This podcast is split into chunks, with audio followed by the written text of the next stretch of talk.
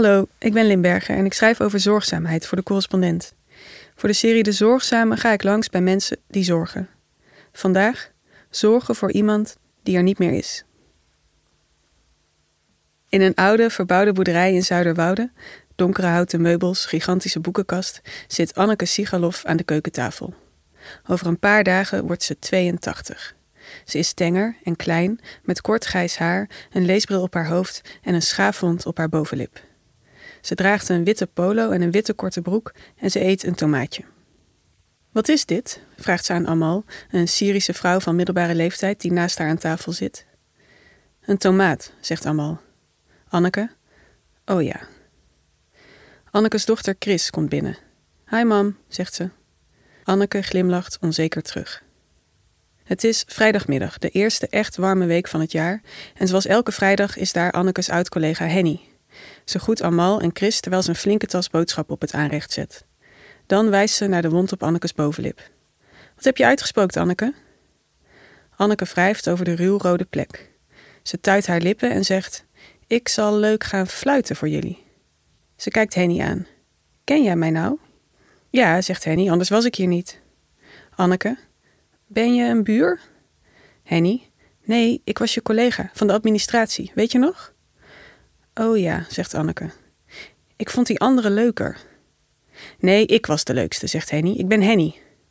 Anneke, ja, dat vind ik goed bij je passen. Ze kijkt van Henny naar Amal. Zullen we, um, zullen we nog even met z'n drieën poetsen, anders? Dat hoeft niet, mam, zegt Chris. Henny komt voor je koken. Anneke, oh ja, uh, vooral doorgaan. Amal, Henny en Chris behoren tot een grote constellatie van mantelzorgers die allemaal in hun eigen baan om Anneke heen draaien. Annekes man, Jean, staat ochtends met haar op, brengt haar s'avonds naar bed en helpt haar meerdere keren per nacht om naar de wc te gaan. Haar jongere zusje Kitty bezoekt haar meerdere keren in de week, net als haar kleindochter Robin. En op vrijdagen komt Henny om te koken. Annekes jongste dochter, Kim, is er iedere zaterdag samen met haar drie jonge kinderen. En Ralf, een oude bekende, is er vaak in de middag tot aan etenstijd. En Amal, die Anneke en Jean via de sportschool hebben leren kennen, past elke werkdag op Anneke, van tien uur s ochtends tot twee uur s middags. Aanvankelijk deed Amal dat onder het mom van taalles, want Anneke vond niet dat ze hulp nodig had, laat staan een oppas. Maar inmiddels is haar toestand zo verslechterd dat smoesjes niet meer nodig zijn. Anneke heeft de ziekte van Alzheimer.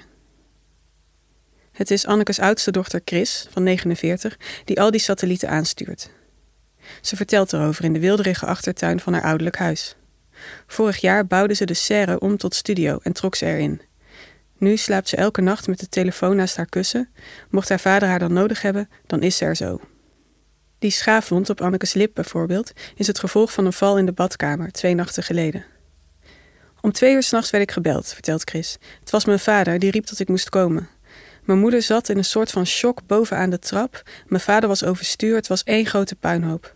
We zijn van twee tot vier bezig geweest om alles op te ruimen en haar weer in bed te krijgen. De diagnose kwam een jaar of drie geleden, vertelt Chris. Al had zij al wel veel eerder door dat er iets niet klopte. Het zat hem in kleine dingen. Anneke had altijd graag etentjes gegeven, maar ineens kon ze dat minder goed aan. Dan maakte ze zich heel druk over de logistiek en maakte ze eindeloos boodschappenlijstjes.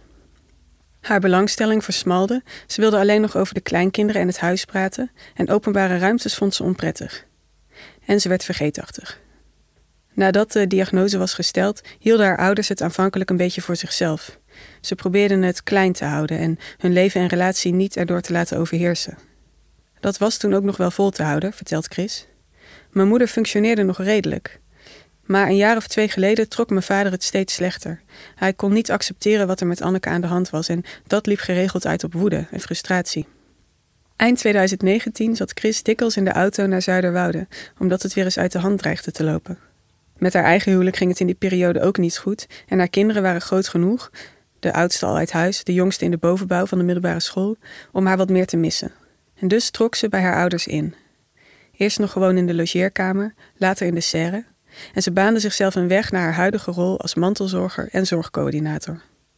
Ze tuigde het mantelzorgsysteem op en regelde dat er een persoonsgebonden budget kwam. Een hele papierwinkel was het, behoorlijk onoverzichtelijk ook. Ze snapt wel dat de mantelzorgmakelaars als paddenstoelen uit de grond schieten. Het PGB vraagt je aan bij het Centrum Indicatiestelling Zorg, vertelt ze. Die sturen dan een arts langs voor een indicatie. En vervolgens word je een soort werkgever. Voor alle zorg die je uitbesteedt moet je contracten opstellen en die worden gecontroleerd door het zorgkantoor. En als er ook maar één dingetje niet klopt, krijg je alles weer terug. Het is natuurlijk geweldig dat het allemaal kan in Nederland, vertelt ze, maar erg gebruiksvriendelijk is het niet. Naast mantelzorger is Chris ook directeur van het Odensehuis, een culturele ontmoetingsplek voor mensen met dementie en geheugenproblematiek in Amsterdam. De baan kwam toevallig op haar pad.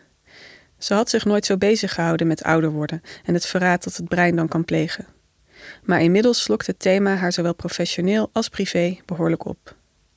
De zorg voor mijn moeder is niet eens zo zwaar, vertelt ze. Die hebben we nu goed geregeld en verdeeld over verschillende mensen.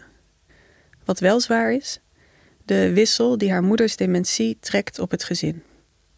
Mijn moeder was een sterke, zelfstandige vrouw, zegt Chris. Ze gaf les op een middelbare school en thuis deed ze ook heel veel. Mijn vader is componist, hij gaf les op het conservatorium en hij kreeg thuis ook alle ruimte voor zijn werk. En later, toen mijn eigen kinderen nog klein waren en ik fulltime werkte, kon ik altijd terugvallen op mijn moeder. Die haalde ze dan bijvoorbeeld op uit de crash als ik in de file stond. Nu ze niet meer sterk en zelfstandig is, wordt duidelijk hoezeer Anneke de kurk was waarop het gezin dreef. Hoezeer Jean van haar afhankelijk was en vice versa, en hoe ontredderd hij nu is. Hoe iedereen zich opnieuw tot haar moet leren verhouden nu de oude Anneke er niet meer is. Bij het Odense gaat het me heel goed af om met de mensen daar te praten, om ontroerd te zijn door hun kwetsbaarheid. Maar bij mijn eigen moeder ben ik veel sneller geïrriteerd. We deden altijd klusjes samen en we kletsten veel. Onze band was gebaseerd op samen bezig zijn en dat kan nu niet meer. Begrijp haar niet verkeerd, ze is blij dat ze er kan zijn. Het is fijn om voor mijn moeder te kunnen zorgen nadat zij al die jaren voor mij heeft gezorgd. Maar dat maakt het niet minder verdrietig en confronterend. En hoewel ze zichzelf uit eigen beweging in deze positie heeft gemanoeuvreerd, is iets terug kunnen doen niet zaligmakend. Ik mis mijn vrijheid, zegt Chris. Want ondanks de aanwezigheid van andere mantelzorgers blijft ze zelf ook continu alert. In die zin, vertelt ze, lijkt het op het hebben van kleine kinderen. Daar ben je ook altijd mee bezig, zelfs al ben je niet bij ze in de buurt. Maar voor je kinderen kies je en voor je ouders niet. De rollen zijn omgedraaid. Ik voel me soms mijn moeders moeder en mijn vaders vrouw. En dat zijn niet per se leuke rollen om te hebben. Wat niet helpt is het gevoel dat het ondanks alles nooit genoeg lijkt. Mijn vader en moeder waren zeer met elkaar verbonden en ze leunden op elkaar. En nu dat niet meer kan, heeft hij soms het gevoel dat ik er ook niet genoeg voor hem ben, zegt Chris. Dan vindt hij dat ik te weinig tijd met hem doorbreng, of hij is teleurgesteld als ik snel wegga in plaats van thuis te blijven om met hem te praten. En ik snap het wel, hij heeft een gigantisch verdriet. Maar dat verdriet is te groot voor mij of voor wie dan ook om op te lossen. Toen mijn moeder eergisteren was gevallen, zei hij: Zonder jou was dit me nooit gelukt. En die erkenning vond ik wel fijn, die heb je gewoon nodig. Ik had van tevoren een romantisch idee van hoe het zou kunnen zijn met meerdere generaties wonen, voor elkaar zorgen, maar dat valt toch een beetje tegen.